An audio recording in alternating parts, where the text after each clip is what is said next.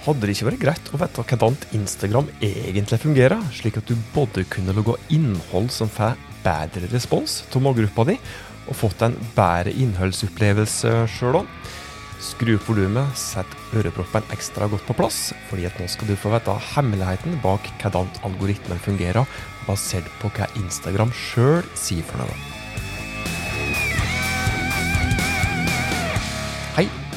Hjertelig velkommen til ei ny episode av Hauspodden. Dette her er podkasten for det som ønsker å få rause råd, smarte tips om hvordan du kan bruke teknologi, design og innhold til å nå de målene som dere jobber med i det firmaet som, som du jobber i. Og det er da fagfolket i Haus som står bak denne podkasten her. Tusen takk for at du har trykt på play på denne podkastepisoden her òg. Jeg heter Tormod Sperstad, og med meg i studio i dag så har jeg kollega Merete Dagsgaard, som sitter og venter knallhardt på å få lov til å komme til og fortelle om ukens framsnakk. Kan det være ei bedrift, tror jeg, som hun skal framsnakke? Kan det være noe annet, noe smart som ei bok eller en app eller et eller annet lignende som er til inspirasjon? Hvem veit? Det eneste som er sikkert, er at det er tipset som hun har, antageligvis er til inspirasjon for det òg. I dag så skal det handle om Instagram. Det er en brennheit fersk episode. Sjølsagt så kommer dette her helt an på hva tid du har trykt på play.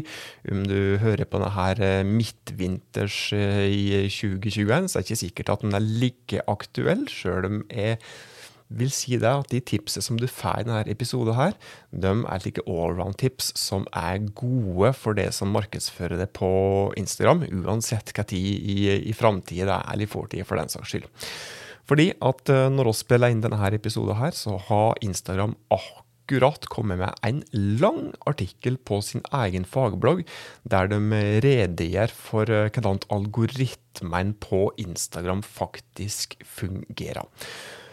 Algoritmer på Instagram er jo da utrolig myteomspunne. Det er utrolig mange teorier rundt dette her. Og når jeg sier myteomspunne, så er det jo fordi det er at Instagram normalt sett ikke er så fryktelig åpne rundt sine egne algoritmer sjøl. Og dette her er jo da og ei kilde til, til, spekulasjon. Det fører til at mange spekulerer i hva disse her algoritmene egentlig gjør for noe. Og Det er kanskje òg en grunn i seg sjøl til at Instagram har gått ut og sagt litt om hvordan dette her egentlig funker. Algoritmer de er der jo fordi at Instagram har lyst til å vise med og det det er innholdet som oss mest sannsynlig setter pris på å få først i feeden vår. Vi får altså en innholdsbasert feed. og Da bruker Instagram mange ulike algoritmer for å bestemme hva vi skal se først og sist. Det er like rent overordnet hvordan det fungerer. Og For mange så har jo da så her algoritmene på Instagram vært en hemmelighet, men den hemmeligheten er ingen hemmelighet lenger, i alle fall til en viss grad. For det at, som sagt, er det en ting som da er myteomspunnet, altså, og kilder til mange misforståelser, så er det jo da hvordan Instagram sine algoritmer egentlig fungerer. Alle vil jo vite hvordan algoritmen fungerer, fordi at det kan jo da gi bedre rekkevidde, synlighet. Og hvis du får bedre rekkevidde, når ut til flere på Instagram, så kan jo det òg gi deg flere, flere kunder. Dette har ført til at det er mange sjølutnevnte eksperter på Instagram. Typisk tenåringer som kanskje har gjort svært Ja, egentlig ikke jobba med så fryktelig mange bedrifter strategisk sett når det gjelder markedsføring, men som da påstår at de er eksperter da, på Instagram. Og de har rett og slett uh, spredd en del fake news, som da garantert som sagt, er en, en av årsakene til at Instagram akkurat nå har kommet med en ganske utførlig forklaring på algoritmen. Rent subjektivt, uh, nå har jo oss lest grundig, grundig gjennom denne her redegjørelsen fra Instagram, og rent subjektivt som jeg sier, det er at Instagram er ganske runde i formuleringene sine. Det er få detaljer, virkelig nyttige detaljer, som de kommer med, forståelig nok. Men så står det jo da en del mellom linjen der. Og vi har jo da finlest denne forklaringen fra Instagram, og skal jo da, da, rett og slett oppsummere det som er viktigst for akkurat det, slik at du kan bruke Instagram enda bedre for å nå målene dine. Og Så langt det er mulig, så skal vi òg si hva. Hva er det du bør gjøre for å få mest mulig drahjelp til disse her eh, algoritmene.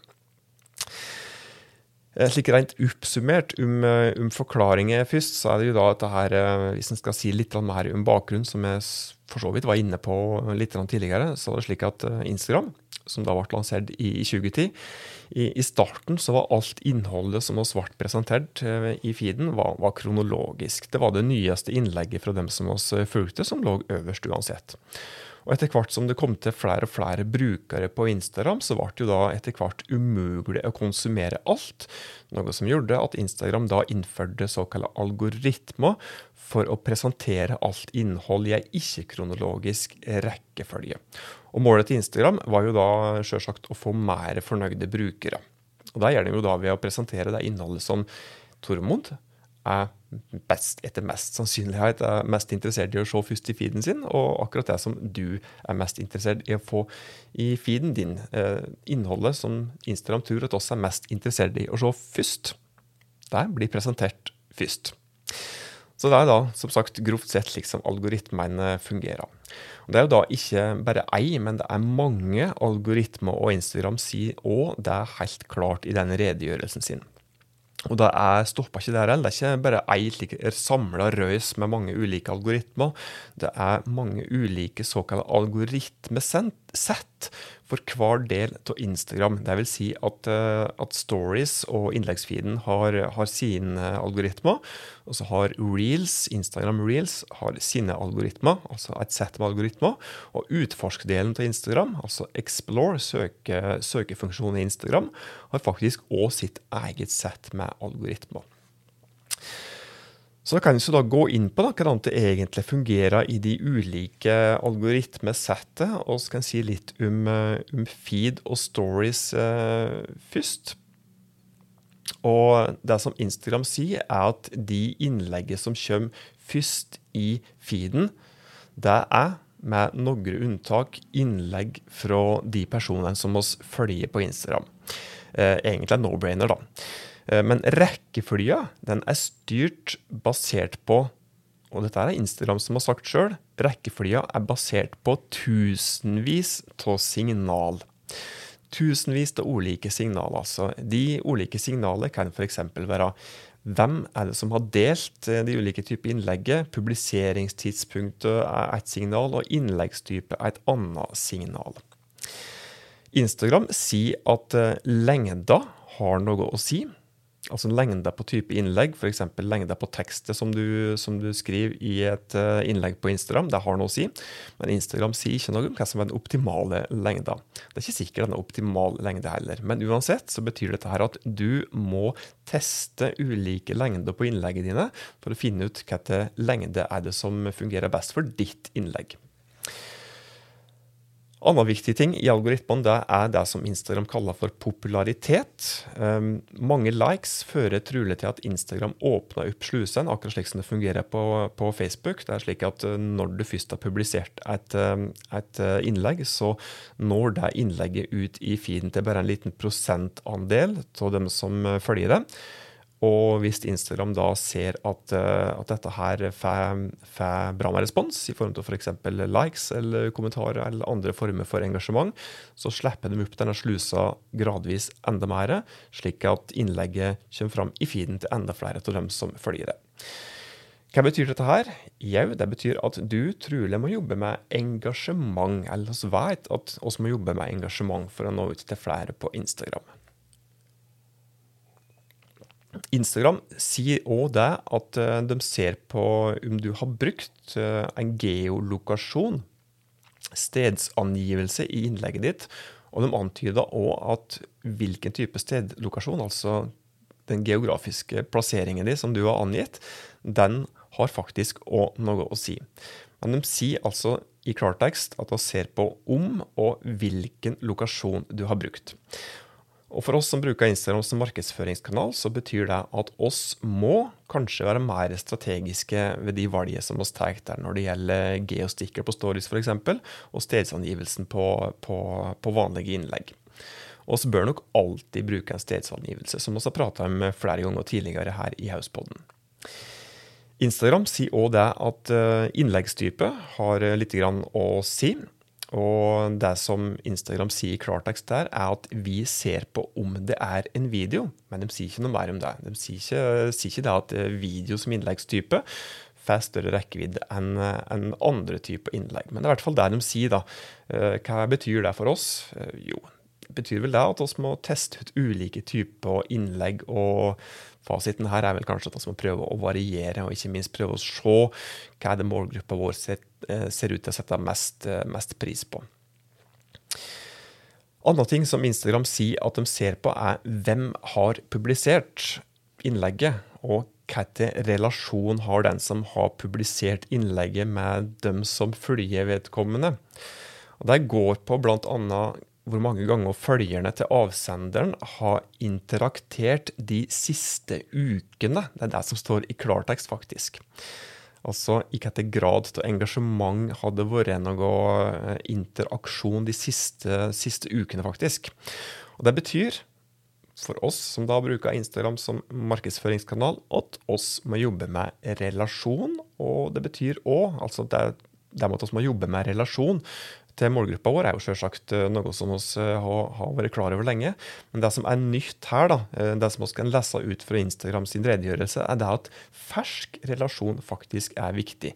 Så hvis du har hatt kjempemye engasjement siste uka, så er det mer positivt enn det engasjementet som du kanskje hadde for et halvår siden.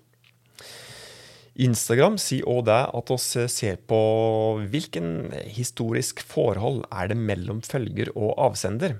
Altså, De sier ikke noe mer konkret enn dette, her, annet enn at uh, et eksempel er om dere har kommentert hverandre sine innlegg. Så Historisk uh, forhold mellom flyer og avsender er det som Instagram òg trekker fram. Hva betyr dette her for oss? Jo, det betyr at oss må jobbe med denne formen for engasjement, rett og slett. Instagram sier òg at de bruker såkalt kvalifisert gjetning. Ja, de bruker faktisk eh, uttrykket kvalifisert gjetning. I tillegg, når det gjelder følgende ting, hvor sannsynlig er det at mottaker bruker flere sekunder på å stoppe opp ved et innlegg, kommentere det, like det, lagre det. Altså, Instagram sier det at de ser på hvor mange sekunder bruker du eller følgeren din på å stoppe opp ved ett av dine innlegg og kommenterer han det i tillegg, liker han det, lagrer han det, så er det bra. Det betyr at det er nok ikke likegyldig om en bruker bare engasjerer seg i form av en like, eller lagring eller kommentar. Det betyr faktisk at tiden som er brukt, påvirker algoritmen her. Og antageligvis så betyr det at hvis, eh, hvis eh, en som følger det på Instagram, har stoppa opp ved innlegget ditt i tre sekunder, så er det mindre verdt enn hvis det er en person som har stoppa opp og sett på innlegget ditt i sju sekunder. Det betyr jo da at vi må prøve å ta grep for å prøve å få brukeren til å holde seg på innlegget vårt litt lengre tid. Bruke litt tid på å konsumere det. Instagram sier i tillegg at de prøver å unngå at vi ser for mange innlegg fra samme profil på en gang. Hva betyr dette her? Jo, dette er gladnytt for, for meg, i hvert fall. I hvert fall hvis dette her budskapet er noe som vi greier å spre videre. Eh, for er det en ting som jeg ofte irriterer meg over, så er det, er det folk som er følger på Instagram, gjerne bedrifter, som da plutselig har funnet ut at de har et kvarter til gode, og finner ut at det kvarteret de skal bruke på å publisere kjempemange innlegg etter hverandre. Og Der må vi da faktisk unngå med å spre innlegget vårt over tid. Instagram sier òg at de straffer faktafeil. Dvs. Si at hvis du sprer fake news på Instagram, så kan det gi deg dårligere rekkevidde. Det betyr at du må holde deg innenfor retningslinjene til Instagram, og du må for all del ikke spre det som Instagram mener er fake news. Så du skal ikke komme med noen ville konspirasjonsteorier rett og slett på Instagram. Det vil føre til at du får dårligere rekkevidde. Det var stories og feeden, men det er jo et eget algoritmesett i Utforsk òg, og hva sier Instagram om det? Eh, jo, eh, altså for det første så sier de det at eh, det første som de gjør, det er å plukke ut et utvalg med innlegg basert på såkalt lignende innhold som du har engasjert deg i det siste. Enkelt forklart så fungerer det slik hvis du har f.eks. lika mange bilder eller videoer av fjell på Instagram i det siste, så får du mer fjellbilde og fjellvideo og fjellreels i utforskdelen av Instagram når du er der. Eh, men du får da fjellbilde fra profiler som du ikke følger. Men så er det da noe med rangeringer med, da. Eh, når du først har plukka ut hvilke innlegg du skal få opp eh, som forslag i Utforsk. Jo, populariteten har noe å si, ikke minst tidlig engasjement. og Det betyr jo da at hvis du får mye engasjement, og får mye engasjement i form til mange likes fort, f.eks. på et innlegg, så er det mer sannsynlig at ditt innlegg faktisk kommer opp som et forslag i, i utforsken til, til, andre som ikke følger det. Uh, innhold fra profiler som du har engasjert deg i før, men ikke har valgt å følge, det er prioritert i, i Utforsk. Aktiviteten din, hva du har engasjert deg i, i Utforsk i det siste, f.eks. ved å like og sett på, hva oftere du har sett på det, det har noe å si. Og så sier Instagram og deg i klartekst at eh, innlegg som kan være kontroversielt, i henhold til Instagram sine egne anbefalte retningslinjer, eh, eller guidelines som de kaller det, det blir rett og slett ikke vist. Algoritmesettet i Reels, eh, Instagram kommer med noen detaljer der òg. De sier det at det fungerer i stor grad som utforsk. De sier det at i feeden så vil du faktisk ofte se innhold fra folk som du, folk som du ikke følger. Altså Da stusser jeg litt når jeg så den der, men det stemmer faktisk. Det er det som Instagram sjøl sier. Det betyr at, eh, at eh, at uh, hvis du da bruker reels da, bevisst for, uh, for, å markedsføre bedrifter, så skal du nok ikke regne med å nå ut til følgerne dine i reels. Men reels kan i alle fall da tilsynelatende fungere utrolig bra i oppmerksomhetsfase i den mer eller mindre tradisjonelle trakta.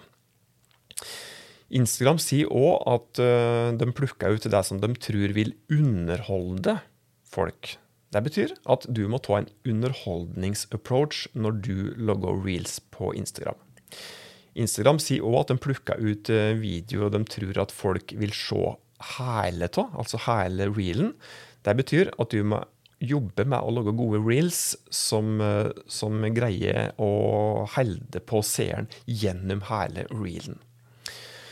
Instagram ser på historisk engasjement for reels. Eh, hvis du er engasjert i reels fra en profil som du ikke har fulgt tidligere, så vil du få flere reels fra vedkommende når du sitter der og, og stirrer på, på reelen i Instagram. Instagram ser på lyden som er brukt. Altså Instagram sier det i klartekst. altså. De ser på lyden som er brukt, og de ser på tekniske ting i videoen hvordan dette henger sammen, er tekniske ting de ser på i videoen, det sier de ingenting om. Så det er ganske kryptisk, men Instagram sier det at lyd og tekniske ting i videoen det kan påvirke synligheten for reelen. Instagram sier òg det. De avslutta med det eh, når det gjelder i hvert fall reels-delen av dette her med algoritmer. Så sier de det at, eh, at du trenger ikke være stor på reels for å, for å bli populær. De sier faktisk det i klartekst at alle får en sjanse til å finne sitt publikum på reels. Det betyr at uh, du trenger ikke være stor for å få bra rekkevidde på reels. Dette er ganske bra samsvar med tester som, uh, tester som oss sjøl har gjort uh, her i Haus, med ulike kontoer, der ser ser at du trenger ikke være en stor profil for å faktisk få kjempebra rekkevidde i reels. Det var slik grovt sett det som, eh, som Instagram eh, har sagt om algoritmer. Eh, I hvert fall de viktigste tingene som vi vil trekke fram, som vi tror at du kan ha mest nytte av å vite. Andre ting som de, som de, har sagt i den første redegjørelsen sin som de har kommet med nå, det er det at shadowbanning det finnes det ikke. Det har for så vidt sagt før, men det er jo da et uttrykk som mange bruker. Men det finnes ikke, så da vet vi det er nok en gang. Eh, de sier òg det at du får aldri færre likes eller kommentarer pga. shadowbanning. Uh, Annet ting som er interessant, som de trekker fram i redegjørelsen sin, er at følgerne dine konsumerer kun ca. halvparten av det som de får opp i feeden sin. Det er jo et greit å vite. Altså Målgruppa vår har ikke tid til å scrolle seg gjennom alt innholdet. Det er jo nok en gang et bevis på at oss må virkelig prøve å lage engasjerende innhold, slik at oss kan eh, få hvert fall vårt innhold da, presentert i den øvre delen, de første 50 etter dem som følger oss. Og De sier òg det helt klart at hvis du følger retningslinjene, anbefalingene, guidelines eh, våre, så er det lettere for det å, å nå ut til mange på Instagram. Hvis jeg skal prøve å oppsummere dette her, så, så ja, I noen få stikkord så er det kanskje det viktigste her at eh, Instagram sier det at det er tusenvis av signal som de bruker. Det er ikke ei algoritme, men det er tusenvis av store og små eh, signal som de tar hensyn til. Og det er i alle fall én ting som er klart.